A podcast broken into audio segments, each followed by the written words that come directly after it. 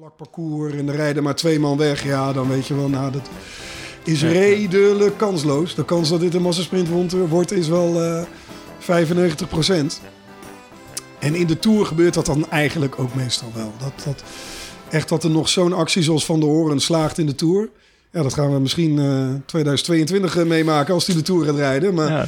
dat gebeurt natuurlijk niet zo heel vaak meer. Nee. Ja, dus je kunt het wel redelijk... Als je het wielrennen vaak volgt, kun je dat wel redelijk uit... Ja, redelijk meedenken, redelijk nagaan. Ja. En stel iedereen wordt dan teruggepakt hè, en we gaan richting een massasprint. Tegenwoordig heb je natuurlijk eh, meer de treintjes. Mhm. Ehm, dat was, volgens mij begon dat met Giant eh, Sunweb, was dat toen nog?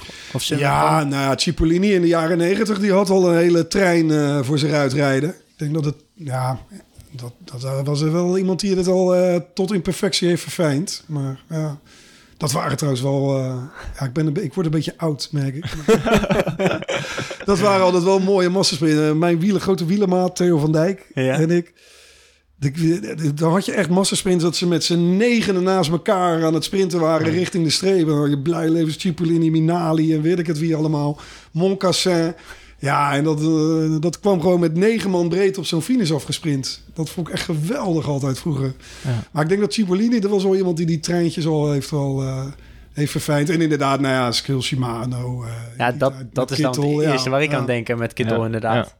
Maar wat, wat, wat ervaar je dan op de motor? Ga je dan echt richting de 90? Want soms gaat dat volgens mij echt verschrikkelijk hard. Nee, dat klopt. Eh, nou, wat wij de laatste jaren eigenlijk doen, is dat we de laatste 20 kilometer, 30, 40, achter het peloton gaan zitten.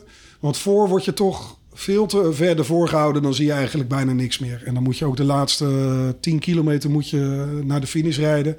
En daarachter mag je wel blijven zitten. Maar de laatste, meestal 20 kilometer, is dan, wordt dan wel de pool uitgeroepen. Dus dat hoor je op de koersradio. Koersradio kanaal, dat moet je eh, luisteren, anders mag je niet mee in de koers. En dan eh 20 kilometer voor het einde komt eh Thierry Gouvenou, de, de koersdirecteur. En dus nou, een van de bazen van de Tour. Misschien wel de baas op de achtergrond van de Tour. Want die Mhm. bepaalt ook het parcours. Ja. Die komt dan in de lijnen. En die, eh, nou ja, die, uh, oké, nous sommes à 20 kilometer de l'arrivée, on mise à place le poule, à l'arrière du peloton. Nou, dan weet je één ding, oké, nu moeten we afzakken. En normaal rijden wij vijfde, naast de vijfde of zesde of zevende wagen van de ploegleiders. En dan moet je echt naar de tweede kolonne toe. Zodat die linkerbaan, mocht er nog iets gebeuren in de laatste 20 kilometer, echt helemaal vrij is. Dat die ploegleiders snel naar voren kunnen in het geval van een valpartij en dat soort dingen. Dus dan rij je wel verder weg. Maar goed, in open gebied zie je ze nog wel rijden. En je hebt de koersradio. En dus dan kan ik op die manier eh, wel nog dingen toevoegen. En als er een valpartij is, ik bedoel, je komt wel op, op die plek. Uiteindelijk duurt ietsje langer. Maar je komt er uiteindelijk wel. Ja. Dus dan, eh, dan kun je daar alsnog wat toevoegen. Dus, maar meestal doe ik dus de, de finale, de finish doe ik, eh, doe ik daar. En dan als wij beginnen met de finish tune, dan ga ik er meestal uit. Omdat er ook altijd wel een vertragingje zit tussen mij en Gio. Mhm. Omdat mijn signaal gaat eerst naar een vliegtuig. En vanuit het vliegtuig terug naar de finish. En dan uiteindelijk met een lijn naar Hilversum. En dus door al die verbindingen zit er meestal wel een... eh, en ook, gaat ook nog wel eens via satelliet eh, ertussen. Eh, dus daar zit altijd wel een vertraging tussen. Eh, en om die snelheid uit die finish te halen, ga ik op het moment dat die finish tune begint, ga ik er eigenlijk in principe uit. Tenzij er dus nog een valpartij is of iets Ja. dergelijks. Ja. Iets in de finale spannends gebeurt. ja. Dus ik doe eigenlijk altijd de finale achter zo'n peloton. Als een vlakke rit is richting eh, een massasprint. En dan in de afleiding eh, gaan we het parcours af. Dus we rijden al het hele parcours tot, eh, tot de laatste 300 meter. En dan, eh hup, dan Ja, we die, die auto's naar rechts gaan. En de Ja, links of rechts. Ja, precies. daar zie je, eh, ja, waar je, waar je dat ziet, dan, eh, nou, dat, eh, daar moeten wij er ook altijd af. Ja. En als je dat mist, is dat dus ook een carte rouge. Ja, ja. Ja, ja, ja, ja, ja. Eén keer dacht ik dat we misten, maar toen was het juist de bedoeling. Ik weet niet meer wat het toen was. Zou best kunnen met die bus toen op de lijn. Nee, ja, dat was ook wel een mooie inderdaad. Oh, de ja. finish is waar Ja. de finish Oh. ligt. Ja, Ja, natuurlijk is de De finish waar de finish ligt. Maar eh, eh, nee, ik weet niet meer. Er was ergens was de afleiding was op een of ander grindpad. En dat was een hele grote modderzooi geworden. Want het had heel erg geregend. Dus toen dachten ze ook op het laatste moment van... eh hup, ga maar gewoon over de finish. Dus die regulateur die stond juist... Want een van die mensen die dus eh, het verkeer leidt... gaat ook altijd daar naartoe. Mhm. Dus die stond juist naar voren te wijzen van... Hey, rem maar door, rem maar door. Maar ja, je denkt toch even een moment van... ja, dit mogen we helemaal Ja, niet. ja, ja, Eh, ja. Nou ja, als dit maar goed komt. Nou ja, we hadden niks meer van teruggehoord natuurlijk, want ja, dat was juist de bedoeling. Ja. Maar dat is dan eigenlijk wel een rare gewaarwording als je dan in één keer over de finishlijn heen rijdt. Want het, normaal heb je dat helemaal niet. Ja. Maar die bus was inderdaad ook wel leuk, ja. Dat, eh Gio, ja, ik hoor iets over een bus. Ja, ja, nee, er staat hier een bus. Oh. Nou ja, dan zit je op die koersradio mee te luisteren. En eerst kwam eh, de voorganger van Gouvenou. Oh, weet je ook alweer? Nou ja, anyway. Die kwam dus mee. Ja, nee, we gaan leggen nu de finish op drie kilometer voor het einde. En toen in één keer kwam die mededeling... Ja. eh, I repeat, the finish is at the finish line. Maar ja, mensen dus die dus die eerste mededeling niet gehoord hadden... die dachten ook, ja, nee, tuurlijk is, eh, tuurlijk is die finish op de finishlijn. Ja, dat was ook wel echt een chaos. hè. Ja, zo zie je maar. Dat er zomaar opeens wat kan gebeuren Nou ja, tijdens dat, eh, ja koers. precies. Ja, ja, ja, ja, ja. Maar je, je hebt het nou over de koersradio. Eh, Ja. Mensen op tv krijgen die koersradio natuurlijk niet mee. Nee. En wat wordt er allemaal in gezegd? Och, van alles. nee, dat begint inderdaad al 's ochtends. En dan... eh, nou, Kopje koffie links of? Nee, nee, dat. Nee. nee, daar worden eigenlijk alle officiële mededelingen op gedaan. Dus dat kan inderdaad een waarschuwing zijn als er iemand in de weg rijdt. Het, kan, eh, het zijn ook de nummers van de koplopers.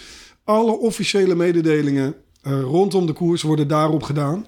Eh, dus dat ben je verplicht te luisteren. En dus dat komt op een gegeven moment in de lijnen. En dan is daar een, iemand die, die ons welkom heet en die iedereen welkom heet. En dan hoor je op een gegeven moment inderdaad... eh, eh, de toerdirecteur Christian Prudhomme, nou, attention Poulet de Bariel, gaat ook iedere dag, dat vind ik altijd wel knap, want het zijn, die zinnen komen iedere dag op dezelfde manier uit zijn mond. Dus het is altijd, eh eh, attention, nous nous approchons le, le lieu de départ réel, attention Poulet de Bariel, en dan is hij altijd even een paar seconden stil, top, de Bariel donné. nou, en dan weet je, oké, de koers is begonnen. En dan is het heel vaak acceleration de d'un coureur de l'équipe Groep Gobert. Dat was het eh, in dat jaar dat zij voor het eerst meedelen. Ja. Dan zaten wij altijd op de motor voor de Rijn dat al mee te roepen, want dan wist je dat het kwam. En, eh, maar de, dus, en voor de rest komt er alles voorbij. De, de verschillen, de, de nummers. Op een gegeven moment dan, eh, Sebastian Piquet, dat is zeg maar de hoofdstem. Die zit in wagen 2 achter het peloton naast Thierry Gouvenou. En die roept dan op een gegeven moment ook alle nummers op. Dus die roept dan, oké, pak pen en papier erbij. Hier komen de nummers van de koplopers. En dan hup, worden die nummers opgelezen. In het Frans. Ja, ja ik moet Dus dan, zeggen, je moet eh, best ja. wel, wel goed Frans kunnen Ja, dan, ja dat ik. leer je wel. Eh, de nummers, de, alle getallen, die zitten wel in mijn kop geramd inmiddels. En dan, eh, maar ook inderdaad waar de koers is, wat de officiële verschillen zijn. ploegleiders die juist worden opgeroepen of die juist iets doen wat ook niet mag. Eh, persmotoren, het kan van alles zijn. Alles wat er gewoon met de koers te maken heeft. Een olievlek, eh, een slechte stuk wegdek. eh, de etappe die werd geneutraliseerd toen. Hè, die werd afgebroken naar eh Tienje toe. Mhm. Weet je, dat gaat allemaal op dat kanaal. Het wordt allemaal op dat tourkanaal wordt dat eh, eh, gedaan. En heel lang, vaak wordt het ook een beetje rustig gedaan. Maar bijvoorbeeld wat ik ook zei, die, die waaierrit. Dan in één keer hoor je Thierry Gouvenou van... eh eh, eh, attention, eh, er was toen nog Mavic. Tegenwoordig is Shimano, of tenminste vorig jaar voor het eerst. Mhm. Hoor dan... eh Hallo, hallo, voiture Mavic nummer 3.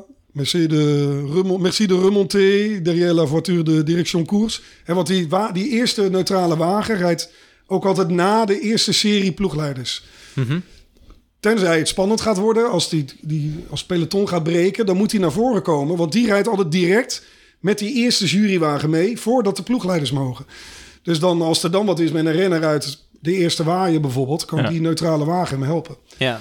Dus dat is altijd een teken. Als die wordt opgeroepen, dan weet je wat, hey, Dan gaat of ze gebeuren. verwachten iets, of er, er staat al iets te gebeuren. Dat is eigenlijk Ja, ja, altijd ja. al een teken waarop ik een soort wakker schiet wel eens van, hé, nu moet ik even op gaan letten. Maar dat, zie je eh, als, als kijker zie je dat nee. in principe niet. Nee, nee, dat zie je niet en dat hoor je niet. Nee, Nee. nee, nee. Dus, dus ook niet, ja, sowieso denk ik in Nederland niet. Maar stel je zou bijvoorbeeld langs, de, langs, eh, langs het parcours staan van een tour bijvoorbeeld. Is er dan een manier om die Ja, de, koersradio de- mee te Gewoon luisteren? een scannertje. Ja. Oh, dan kun je gewoon En luisteren. in België wordt er nu, eh, maar dat werkt niet altijd even goed. Maar er is een app en dan kun je de Belgische koersradio eh, meeluisteren via de BWB, de Belgische Wielenbond. En dan kan je, maar wat ik zeg, ik heb het wel eens een paar keer geprobeerd. Heel vaak werkt het ook niet helemaal goed. Ja. Maar dan, eh, dan hoor je die koersradio. Ja. En als je de frequentie weet, dan, eh, ik weet hem van de ASO niet meer uit mijn hoofd, maar het is al jaren dezelfde. Maar dan kun je gewoon meeluisteren. Kun je gewoon de scanner. En scanner heb, heb je dat bij elke koers, zo'n Ja. koersradio? Ja, ook bij de koersen die, eh, die Niels rijdt. Ja, Vanaf ja. de nieuwelingen junior. Zodat, als het een zogenaamde van stad tot stad wedstrijd is. Dus niet een criterium een rondje rond de kerk. Een klassieker. Maar een klassieker of een omloop. Mhm. dan, dan heb je dat. Ja, ja. En dat, eh, dat moet je luisteren als je in de karavaan rijdt. Ja. Ja, en nou ja, voor de mensen die nu misschien denken... hé, hey, daar kunnen renners ook meepraten. Dat is een ander kanaal. Ja, Want Ja. wij hebben natuurlijk ook allemaal oortjes in die grote koersen. ja, En dan kunnen wij ook eh, dingen zeggen en eh Ja, weet ja, ik veel... ja. eh, Ga je! ja. Ja, je ziet dan wel zo'n knobbeltje achter op de rug of zo. Hè, dat is Ja, hier ja, zo, ja. zo, te, dit, zo te praten. Maar dat is allemaal met de ploegleiderswagen. ja, dat is, niet met, eh, dat is met je eigen ploeg. Ja, Dat is eigenlijk wel jammer. Of, ja, jammer. we hebben het in de, in de Tour wel eens een keer gehad... dat we volgens mij het kanaal van toen Belkin... Ja? en dat was volgens mij het kanaal van de ploegleiding naar de renners toe. Ja? echt bij toeval was ja ook maar een uur of zo. Toen was het alweer, ik weet niet meer. Maar ze hebben een heel klein beetje kunnen meeluisteren inderdaad. maar zij ook wel eens wel. Ja, ik kan me ook een keer herinneren. Toen had ik problemen met frequenties. En het was ergens bij Nancy in de buurt.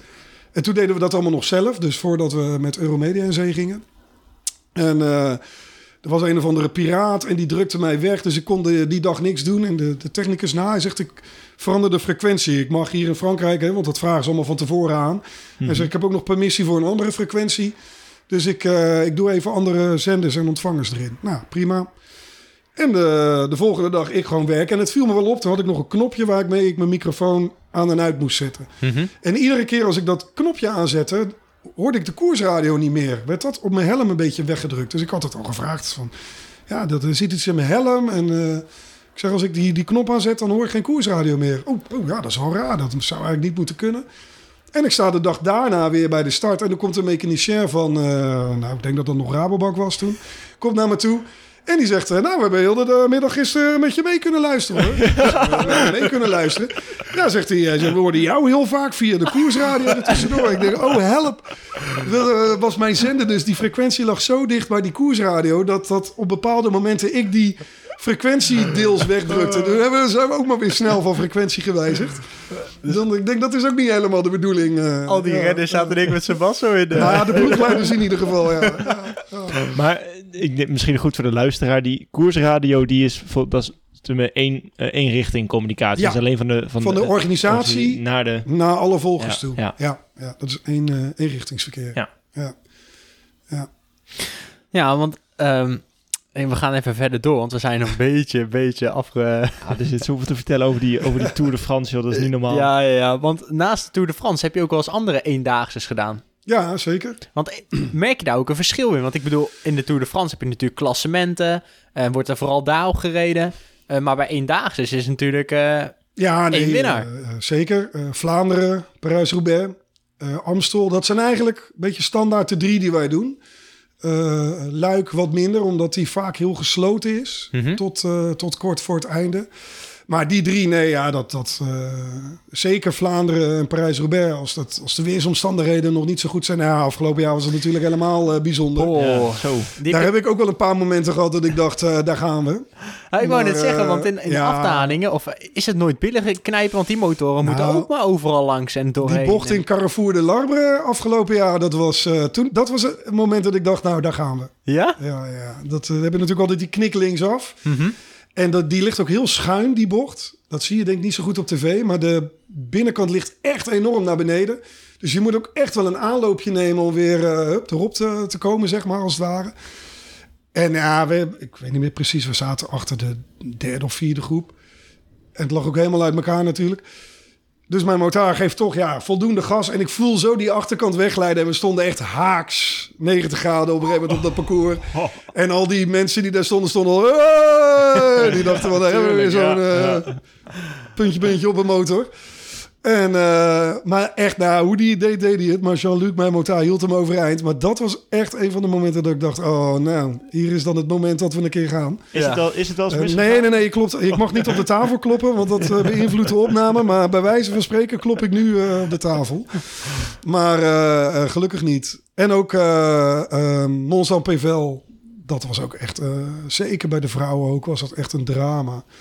Daar gleed je gewoon echt, ja, had je gewoon totaal geen balans. Dat, je gleed alle kanten op. ja, dat was wel heel bijzonder. Voor één keer was dat heel leuk.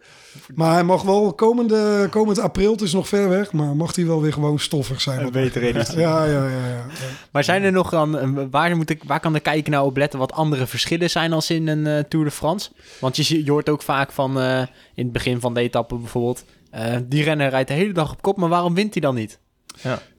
In, de, in een klassieke bedoel Ja. je? Nou ja, omdat hij bijvoorbeeld werk doet voor zijn ploeggenoot, zijn kopman, hè, die er nog achter zit. Of dat hij toch publiciteit wil vergaren. Of juist Parijs-Roubaix, omdat hij wel wil winnen. Want als er nou één wedstrijd is waar je kunt winnen vanuit de vroege vlucht, dan is dat wel Parijs-Roubaix. Ik bedoel, Matthew Heyman, eh, Stuart O'Grady, eh eh Maarten Cialinghi bijna, nou ja, tal van- van Summeren. Die kwamen allemaal uit, uit de vroege vlucht. En dat vind ik ook het, naast gewoon het hele karakter van die, van die wedstrijd met de kasseien en de heroïek en noem maar op. Dat, dat juist die wedstrijd is echt geschikt om te winnen vanuit de vroege vlucht. Dat maakt die wedstrijd ook, eh, nou, ook echt wel bijzonder. Ja, Ja. Dus dat is in, in Parijs-Roubaix. Daarom zie je daar ook juist vaak een enorm gevecht om in die kopgroep terecht te komen. Vorig jaar eh, stonden wij voor de eerste strook en was er nog ineens een kopgroep. En dat heeft ook daarmee te maken, omdat heel veel renners dat natuurlijk ook weten. Dat het nou ja, een wedstrijd is waar dat bij uitstek eh, geschikt is Ja. om dat te doen. Zodra er een kopgroep weg is, dan is de kans ook groot dat daar de wedstrijd wordt beslist. Nou, de kans groot, maar de, de kans is aanwezig. Ja, ik denk als je goed genoeg bent, eh, dat je dus vanuit de kopzo- kopgroep kun je stand houden lang. ja, Eh, en de echte toppers, die komen meestal vanuit de achtergrond nog terug. ja, Zoals de winnaar van dit jaar, ja. eh, de Italiaan. ja. Colbrelli. Colbrelli, ja. Grande Sony. Die kwam heel hard aanzetten van, eh, vanuit achter. Maar eh, Ja. Nee, maar volgens mij heeft Heeman dat ook wel eens gezegd. Dat hij daar ook echt wel op reed om eh, in de kopgroep te komen en dan toch een beetje te sparen. Gewoon zo'n grote groep, van een man of twintig geloof ik of zo. Dan kun je toch gewoon lekker rustig meedraaien en dan hoef Ja. je niet eh, al te veel werk te doen. En eh, nou, die eh, was trouwens ook een van de mooiste koersfinales ooit. ik, eh, ik moet eerlijk zeggen, als ik motivatie nodig heb, dan eh, staat Mooi een filmpje die, op? YouTube ook. Van 2000 2016 was het volgens mij. ja, volgens mij wel. Ja. En dan zie je hem ook vanuit de bus praten. En Matthew Heyman is helemaal niet een veelwinnaar. Ik denk dat hij zes of acht koers heeft gewonnen of zo. En Tom Bonen zat toen ook in de finale. En hij reed vanuit ja, Bonen kon recordhouder worden. Dat was Oh, die ja, editie. ja? Ja, Nou ja, ik weet, dat, ik weet nog dat Matthew Heyman wegreed. En dat die Belgen, die werden helemaal gek.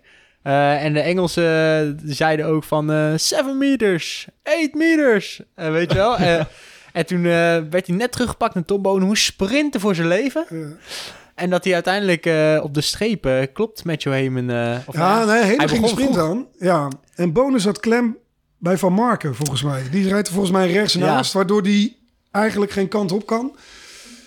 En volgens mij zat Hagen er nog bij. Ja, dat klopt. en ja. hoe heet die eh, Brit ook alweer? Ja, die Bonk. die grote- Die, eh, die, nou ja, de tonblok eh, op wielen. Ja, Nou, ik ben ook even zijn naam kwijt. Kom er even niet op. Maar hij is inmiddels gestopt. Maar die zat er in ieder geval ook bij. En, maar die, die hele finale vanaf Ja, Carrefour de. Larbre... er wordt alleen maar gedemereerd. Ja. Echt de een na de ander demereert. En dan demereert Bonen weer. En dan Hemen. En, dan Van Marken weer. En, dan, en dat gaat maar door. En dat gaat maar door. En dan net voor het oprijden van de baan... zijn Bonen en eh eh, Hemen nog met z'n tweeën weg. ja. En dan bij dat opdraaien van de baan... Komen ze weer terug met Van Marken. Sluit dat hele, sluiten die andere Stannard, Ian Stannard... Ian Stannard, ja. Die sluiten allemaal weer aan. Ja, nee, dat, eh, dat is echt een geweldige editie. Prachtig. Ja, dat als je, als je echt een keer een koers wil kijken, Marnik, moet je die eens voor de grap een keer Ja. terugkijken. Ja, ik, ga hem eens, eh, ik ga hem eens opzoeken. Dat is echt fantastisch. Ehm, nou, ik heb nog wel een hele leuke vraag eigenlijk. Want we hadden het net al over spannende momenten. Hè? Als je zo'n kasseienstrook oprijdt, dat, dat je een keer bijna schuin gaat bijvoorbeeld. Maar eh, wat zijn nou echt de allerspannendste momenten uit je carrière tot dusver uit het peloton? Ehm, nou ja, afdalingen zijn altijd spannend. En soms ook wel eng. Zeker ook als je achter een groep zit en je weet dat de renners terugkomen. Dan zit ik ook altijd eh, driftig mee te kijken. En dan, eh, ja, dat is echt wel hard werken. Vooral ook natuurlijk voor de motorrijder, voor de, voor de motor. Ehm poeh, moet ik even denken. Ja, we hebben wel eens bochten gehad. Inderdaad, dat je met eh, de voetsteps de grond raakt. Dat je denkt, oké, die afdaling toen die rit in de Pyreneeën... die Roglic won, Mhm. toen Dumoulin zo boos was. Was in Ja, de ja, mist. En eh, dus er was ook echt afdalen in de mist. Dat vond ik eh, niet zo leuk. Nee? Dan heb je ook echt geen idee natuurlijk wat er terugkomt en waar je zit en wie waar. eh, nee, dat vond ik echt, echt wel eng. En we hebben nog een, maar daar kunnen we dan nu al om lachen, maar nog een momentje gehad dat de motor niet meer wilde. Een paar jaar geleden. Toen, er was de etappe dat Bernal door het ijs zakte twee jaar terug. Mhm. Daar in de Jura, hoe heet die klim nou? Grand Colombier. En die beklommen we toen van drie kanten eigenlijk. Ja? En de eerste kant was een hele smalle kant. Maar dat was ook die hele steile eh, klim. En Gogol was het, geloof ik. Die En zat in de kop. ja, Die ja. ging daar eh, zo slalommend, eh, moest hij omhoog. En daar zaten wij vlak achter. Nou ja, het was de corona-editie van de Tour. Want er stond geen publiek. Zo was het. Dus dat was 2020. Hij werd niet geduwd. En nee. en onze motor die, die viel stil. En ik, ik- dacht eerst van, eh, nou, we, hè, soms heb je dat wel eens. Dan remt er iemand en dan sta je zelf ook even. En iedereen trok weer op. En wij kwamen niet van de plek. Het was gewoon te stijl. En die eerste versnelling stond niet helemaal goed afgesteld. En eh, ik zat ook live. En ik merkte al wel de nervositeit. En ik keek links naar beneden, etage laag. En dan zag ik het peloton aankomen. Ik denk, oeps, Oh jee. die komen. Er is nog één bochtje en dan zijn ze hier. En toen riep mijn motor ook... Descent, poes, poes, duw, duw. Daar hebben we daarna nog hard om moeten lachen. En toevallig stonden daar op die, dat plekje net drie mensen... die door de barricades waren gesneakt langs de beveiliging... en die waren door het bos omhoog gelopen. En er waren drie Spanjaarden, geloof ik. En die hebben ons op gang geduwd. Want het was echt... Ja, het was een heel smal... Het was een soort fietspad omhoog. En eh, ik denk dat als we daar nog hadden gestaan, dan hadden we ook wel carte rouge eh, gehad. Ook al konden we er niks aan doen. Maar ja, dat was wel echt... eh, ik zag de eerste motor en de eerste auto's al aankomen toen wij eindelijk op gang waren. toen heb ik ook wel even gezegd, zeg maar even iedereen voorbij. Ik zeg, dan nemen we even afstand en dan gaan we even, even op adem komen. Ja. En dan, eh, dan pikken we daarna wel in. Dus ja, de luisteraar heeft er niks van gemerkt. Maar Dat zijn wel billenknijpmomentjes. ja, dat was wel even een momentje dat ik dacht... oeps, nu gaan wij in beeld komen dat wij gigantisch in de weg staan. En dat wil ik niet, dat wil ik niet. Ja, ja. Gelukkig geen eh, blauwe vlag de dag daarna of groene vlag. Nee, nee, nee, nee, nee, nee. Geen carte rouge, geen Ja. rode kaart. Ja. Eh, nee, nee, gelukkig niet. Nee. nee. Oh, dat scheelt, dat scheelt. Ja. Maar inderdaad, wat je ook zegt, zo'n stijlstuk, dat zie je op tv ook niet zo heel goed. Nee. Hè? Maar tot, Nee, totdat je nee. er zelf eigenlijk rijdt. Ja, nee, dat klopt. Dat klopt. Nou, en daar hebben we het helemaal ervaren Ja. hoe eh, lastig het is om dan op gang te komen. En eh, ja, en die hectiek, dat vind ik ook altijd wel mooi om te omschrijven. Juist datgene wat er net achter zo'n groep soms gebeurt met al die ploegleiderswagens die daar rijden, de gastenwagens, de wagens eh, van de tourorganisatie, motoren. Wel, daar, ja, daar gebeurt het ook inderdaad wel eens iemand eh, dat iemand blijft staan en gewoon niet meer van de plek afkomt op een heel stijlstuk, weet je wel. Ja, Ja. Dat soort hectiek. En dat eh. zijn natuurlijk wel de leukste dingen ook als, als kijker en luisteraar mee te krijgen. Hè? Die, die, net Ik vind dat- het altijd wel leuk. Gekke dingen die, Ja. eh, om te beschrijven. Ja. Ja, om, om mensen een beetje mee te nemen als het ware in die avonturen die je meemaakt daar. Ja. Net achter zo'n groep. Ja. Ja. Want, want ik heb ook wel eens gehoord, ik weet niet precies wat dat waar is, misschien heb jij het ook wel eens gezien. eh, maar dat echt, je hebt natuurlijk eh, ja, de favorieten en die gaan Mhm. echt wel zelf omhoog. Eh, maar bij de Gruppetto bijvoorbeeld heb je ook wel eens dat de jongens eh, even zeggen van eh duw me of zo in het Ja, Frans. nee, dat klopt. Dat klopt. En nou, nou moet ik wel zeggen, vaak zitten wij natuurlijk wel vooraan Mhm. waar de, de actie is. Maar ik heb ook een aantal jaren de koers nog gedaan in de, de auto die achter het peloton reed. Die hadden we toen nog in koers, tot 2008 aan toe. En daar gebeurde dat wel eens inderdaad, dat renners die gelost werden. We hebben, je had toen die kleine Franse ploeg, hoe heette die ook alweer? Die werden door zo'n... dat waren tuinzaden, geloof ik, of zo. Ik weet niet meer precies. eh, dat het had iets in ieder geval, ik weet niet meer precies. RAGT, zo heette die ploeg. En dat was een, een kleine ploeg en met allemaal renners. Ja, dat niveau was gewoon te hoog. Ja, En ik weet nog dat eh, Jan Augustinus was toen mijn chauffeur en ik wij reden. Ik zeg, Jan, ja, Ik zeg, er hangen er nu vier in onze auto. Overal hingen ze. Nou ja, weet je, ja, maar ja weet je, als, als de, de jury ingrijpt, dan krijgen wij, de, krijgen wij de schuld. Maar ja, je kan ook moeilijk zeggen, ga weg, ga weg. Je kan Dat moeilijk wegslaan. ja. links en naar rechts gaan rijden. Ook, Ja, eh, ja, dat weet ik nog wel. Maar, meestal moet ik zeggen, wat ik gezien heb, eh, rijden de meesten wel zelf omhoog. Ja.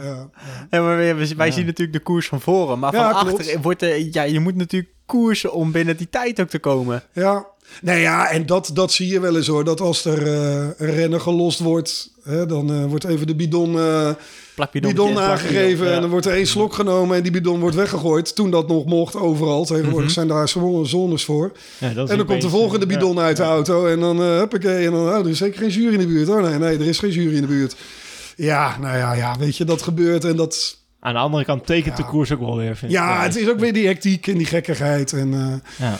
Weet je, dat, dat, dat, ja, dat hoort er ook een beetje bij. Ja. Zo'n Ja. plakbidon. Als het maar niet te te erg. erg beïnvloedend is. Doe je ook aan, hè, Niels? Plakbidon. Plakbidon, nou, ik heb, eh, ik heb wel eens gezien hoor, in eh, verschillende wedstrijden. Toen was ik gelost in flessensuit. En eh, toen werd er een renner eventjes eh, maar echt een minuut lang een plakbidon. Nou, dat is anders. En dat, is, precies. dat vind ik wel, Dat vind ik ook hoor. dat is niet eerlijk Ja, meer. Wat Nibali toen had in de Vuelta, geloof ik. Ja. Of in de Giro, wat was het? Dat je echt dat luchtshot ziet en je ziet zo... Ja. Zo Nibali, eh, nou ja, dat, eh, Dat, dat, kan, niet. natuurlijk niet. Nee, Nee, dat kan nee, niet. Nee. dat kan niet. Nee. Maar dat zijn, toch, een- ja, dat zijn toch van die regels, dus weet je wel. Die zijn er wel, en maar soms worden ze Maar is dat ook niet als rennen doodeng? Nou, dus, eh, toen ik junior was, dat bedenk ik me net, eh, toen reed ik in Italië. En Italië zijn, oh, die... Veel plakbidons. Nou, veel plakbidons, ja. Ik zat achter een valpartij en ik reed de mini-ronde van Lombardije. En eh, we waren toen, eh we reden naar afdaling en daarna kwam een klimmetje. En ik was, er was een valpartij voor me, dus ik remde volle bak en ik kwam letterlijk geparkeerd tussen twee auto's te staan. Dus het ging allemaal net goed, maar mijn ketting was er wel af. Dus ik, nou, staan, ketting erop leggen en eh, volle bak erachteraan. Nou, heb je al die ploegleiders inderdaad en dan de jury daarvoor. En nou, dus dat zo'n Italiaan en die, die, die doet even zo'n bidonnetje geven aan mij. En ik pak zo die bidon vast. Maar echt, hè? We reden, ik denk dat ik 45 reed. En nou, we gingen naar de 70. En ik zat daar zo met mijn arm zo helemaal eh, lang gestrekt. En ik oeh, en bocht naar links. Nou, ik, ik hield hem nog net, maar... Oh, je moet wel goed je, je hand vast... Of ja, je hand vasthouden, je arm eh, aangespannen houden. Want anders dan eh, lig je op de grond. Want dan word je gewoon meegetrokken. Ja. En dat vind ik ook wel, want er is natuurlijk heel veel aandacht geweest... ook voor de veiligheid in de koers. En terecht, ik bedoel, er zijn dingen gebeurd die... die Ja, nou, eh, tot dodelijke ongevallen aan toe. Dat is gewoon heel erg. Dat, dat mag niet. Eh, ehm, maar ik heb ook altijd wel gehad van ploegleiders mogen soms ook wel in de spiegel kijken. Want ik zie, eh, kijk, als een. Want dat, wat jij zegt nu gebeurt met de bidon, maar wat ook heel vaak gebeurt als er een eh, renner van naam of zo terugkeert tussen de wagens. Hè, dan laat ploegleider 3 even een gaatje vallen en dan neemt hij hem even mee achter de wagen. En dan ja. op die manier kan die renner wat makkelijker na Terugkomen. een plaspauze of wat dan ook terugkomen. ja. En dan, dan helpen die ploegen, een aantal Elkaar. ploegen helpen elkaar ook wel op die manier. Weet je, en daar ga ik ook niks van zeggen. Dat vind ik alleen maar mooi. Maar ik heb ook wel eens gezien dat, volgens mij was dat ook in dezelfde Tour als Hogeland, dat de renners dan met, met 90 per uur inderdaad echt drie centimeter achter een bumper worden teruggebracht. Ja. Echt, echt kilometers lang. Dat ik denk van ja, eh, sorry jongens, maar eh, er zijn ook momenten dat, dat jullie dingen doen waarvan ik denk van eh, zo, Ja. koekoek. Ja. En dan wordt er wel vaak gezegd, ja, nee, maar het zijn profrenners en die hebben dat al zo vaak gedaan. Ja, dat weet ik allemaal wel. Maar Tom Stamsnijder was het geloof ik, die is ook een keer door een achteruit heen gevlogen. Ja. Omdat er toch iemand moest remmen Ja, en er, ja, nou ja, ja, ja. hij gewoon net te laat reageerde. Dus hoeft weet net je, wat te het- gebeuren. Ja, en, het is ja, fout. Ja. ja, ja. Maar hè, dat is dus allemaal wat de koers van achter, eh, van achter gebeurt. ja. Ja, zie je als, eh, als kijker helemaal niet eh, dat soort dingen. Ja. Nee, maar inderdaad, wat je ook zegt, achter zo'n auto, dat scheelt zoveel. Je, Ja. je- dat spaart zoveel energie en eh, je kan zoveel makkelijker terugkomen. En zeker als je even moet plassen of zo, hè? Want sommige mensen vragen dat ook wel eens. Hoe zit dat eigenlijk in de koers? Mo- moet je wel eens plassen of kan ik überhaupt stoppen? Eh, nou ja, jij ziet dan dat ze allemaal gaan stilstaan waarschijnlijk. Ja.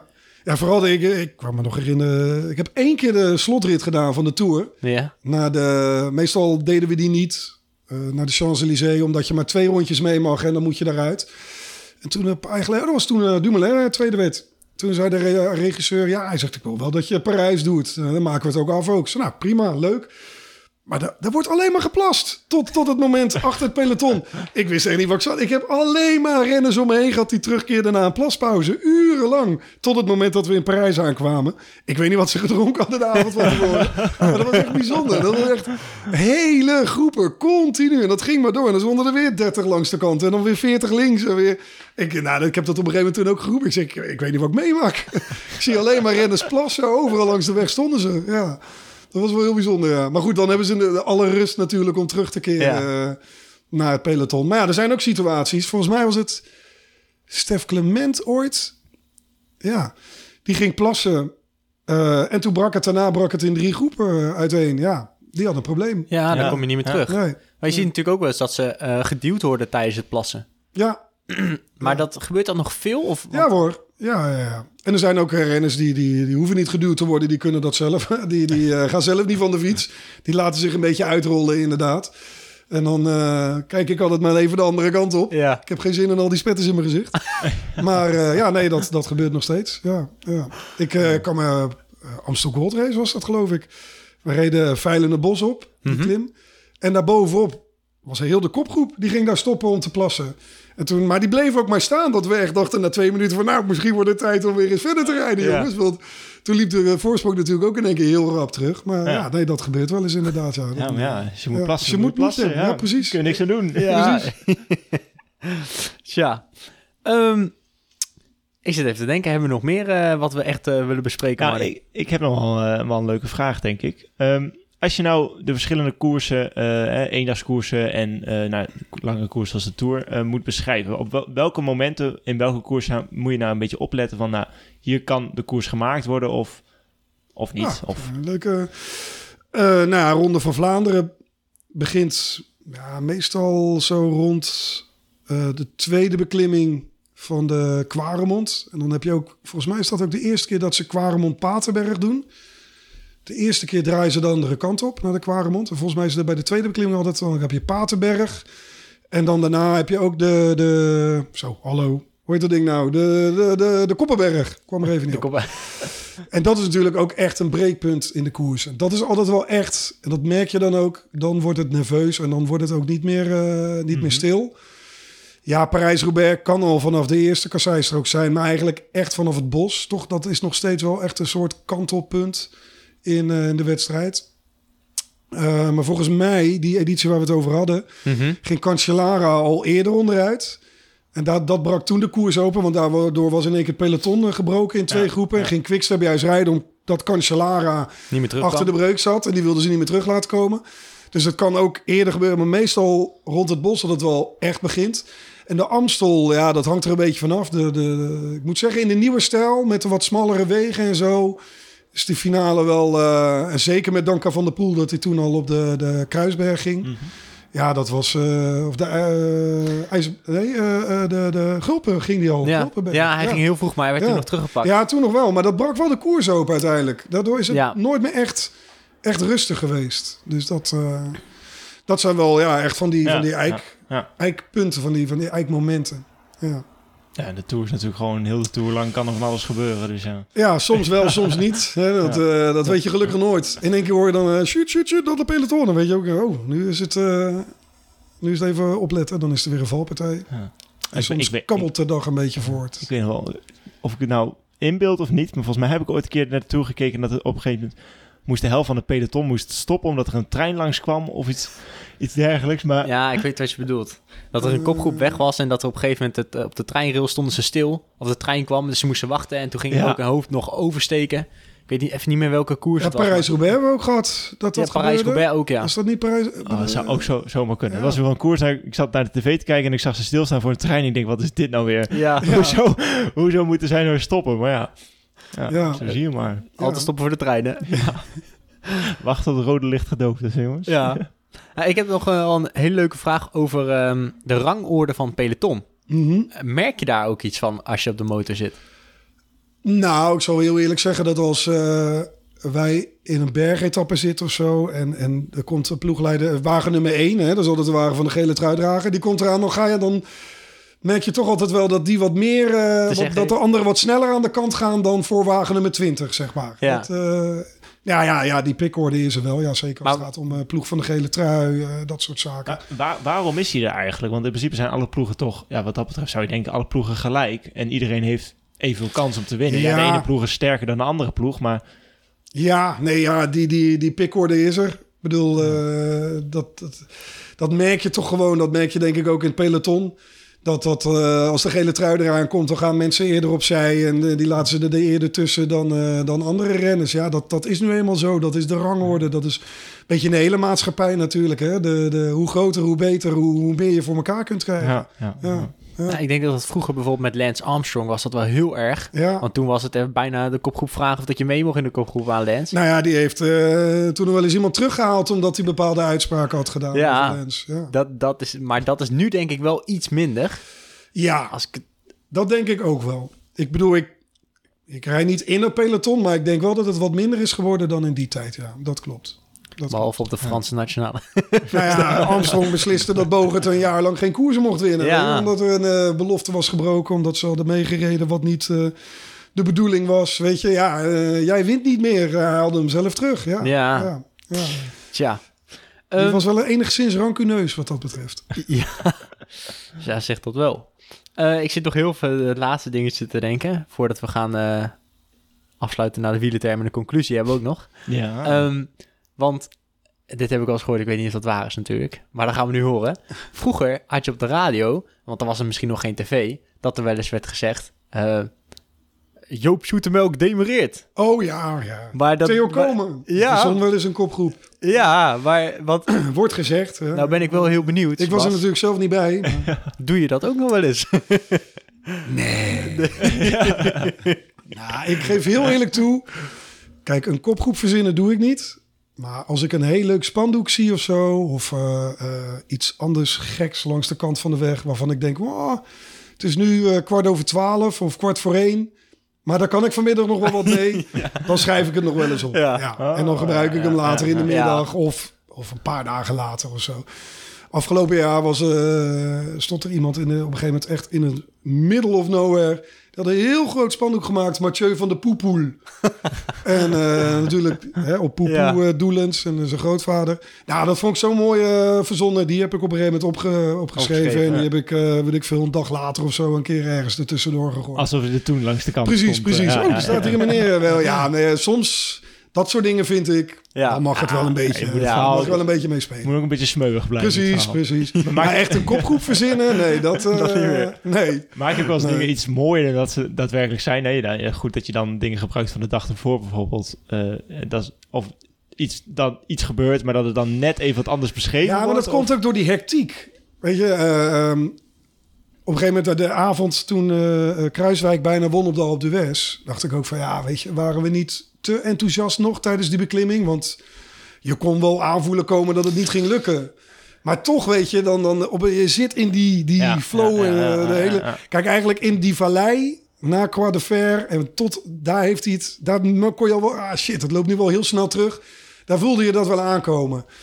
Maar ja, dan zit je nog helemaal... Uh, Ja, je rijdt ja, een ja. Nederlander als eerste dan op. En dan ga je dan toch eh, ga je mee in die euforie en in die sfeer. En dan op de motor, vind ik, mag je dan ook nog wel ietsje meer, denk ik, dan, eh, dan eh, aan de finish of dan wanneer je televisiecommentaar. Dat past ook wel een beetje bij die rol, vind ik. Ja. Dus nou, dan geven we er nog een slinger aan.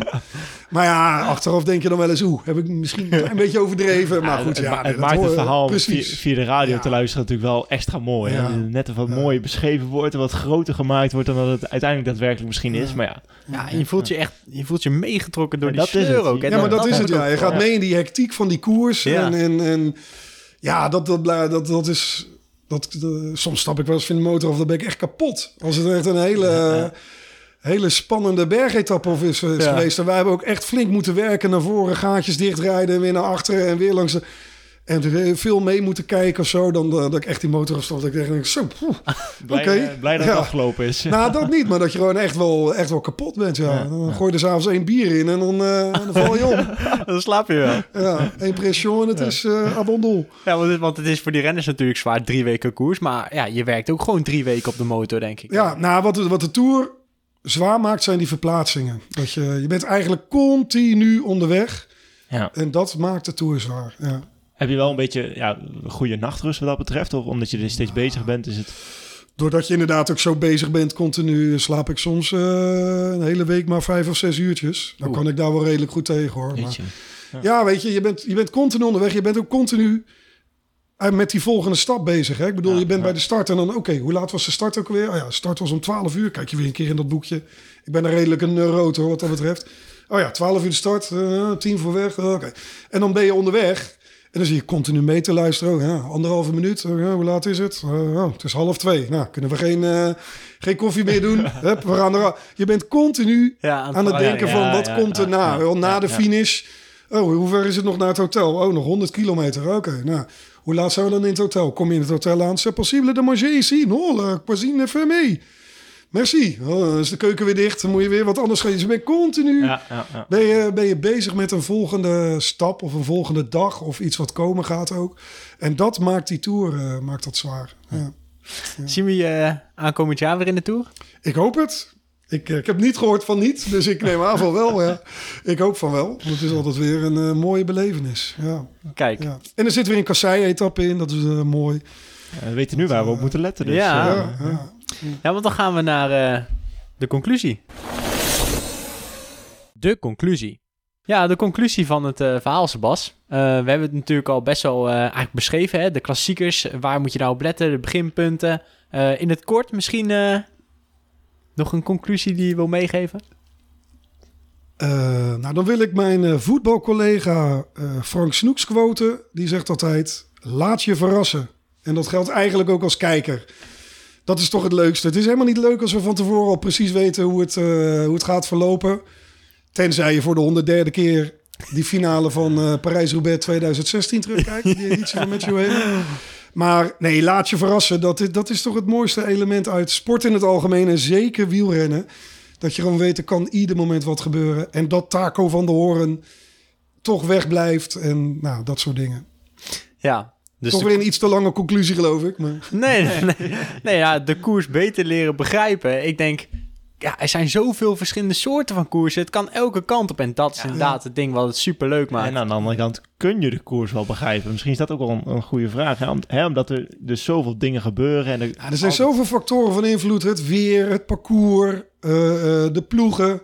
De sterkte van de, de zwa- eigenlijk de zwakte van de sterkste ploeg. En het, sterkte, eh, het sterkste punt van de zwakste ploeg. Hoe ploegen zo, Er zijn ploegen die gaan het echt helemaal minutieus in. Die hebben elke 100 meter uit verkend. Uitge, en er zijn ploegen die, die de ploegleiders die roepen alleen maar eh wenga, wenga, wenga. En cojones, cojones. En meer roepen ze niet. Ik bedoel, dus er zijn zoveel factoren zijn er van invloed. ja. En dat maakt die, ja, dat, ma dat komt allemaal samen in één peloton, in één groep.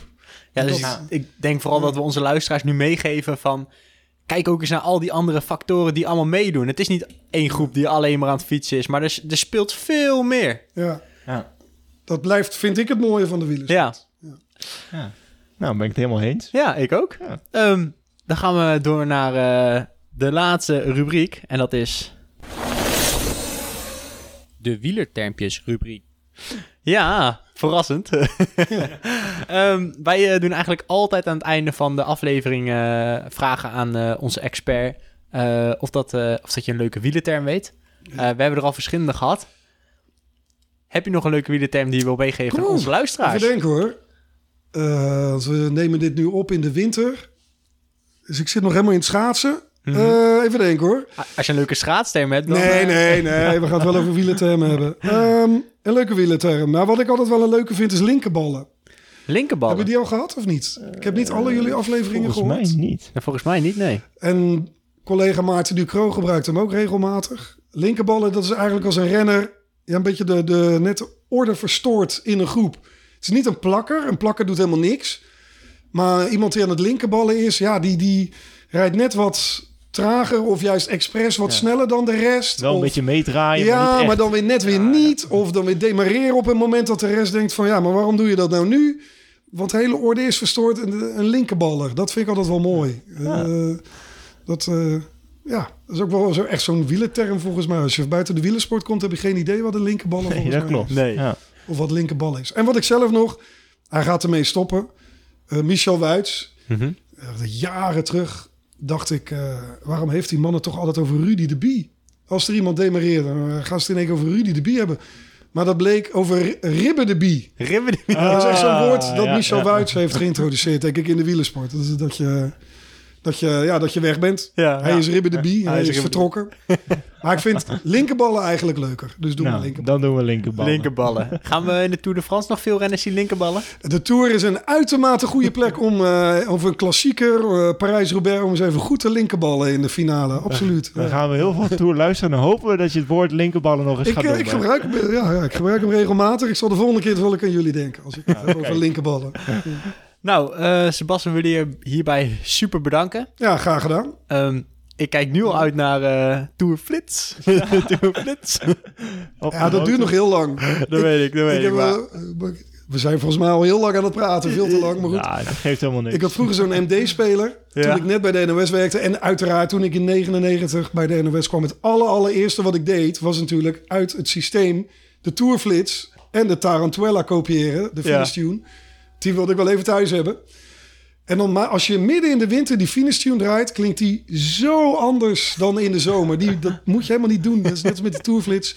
Die moet je gewoon lekker horen wanneer het nou ja, 30 graden is en de zon schijnt. En, uh, Pas midden bij in het de zomer moment. is. Ja, precies. Ja. Wanneer het punt daar is. Ja. Nou, dan sluiten we hem hierbij af. Ehm, Ja.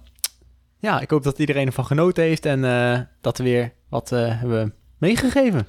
Ja, de, het komt er weer aan, het wielerseizoen. De wedstrijdjes die, eh, die worden al eh, langzaamaan gepland. Dus eh, ja, we hopen dat we hiermee eh, wat mee hebben kunnen geven om eh, de koers beter te leren begrijpen. Precies. Nou, dat was hem. Ja, dankjewel. Graag gedaan. Graag gedaan. Leuk dat je luisterde naar Wat als de Wielenpodcast. Wil je meer afleveringen luisteren? Op zoek naar de perfecte fietser? Abonneer dan nu via Spotify, iTunes of jouw favoriete podcast app, zodat je geen aflevering meer mist. Of wil je kans maken op de Super Kudo? Word dan nu lid van onze club. Wat als de Wielenpodcast op Strava. Ken jij meer wielerliefhebbers die deze aflevering absoluut niet mogen missen? Deel hem dan of laat een review achter, zodat ook andere wielerliefhebbers ons weten te vinden. Het liefst natuurlijk met 5 sterren. Sluit je nu aan bij ons peloton en stuur jouw stelling vandaag nog op via Instagram, wat als de wielenpodcast, of via de mail, wat als de podcast, apenstaartjeoutlook.com, of stuur een audiobericht naar ons telefoonnummer 06 82 61 2419. Tot slot bedanken we ook Elette Namme voor haar fantastische stem. Nogmaals bedankt voor het luisteren en hopelijk tot de volgende aflevering. Alles wacht op jou, op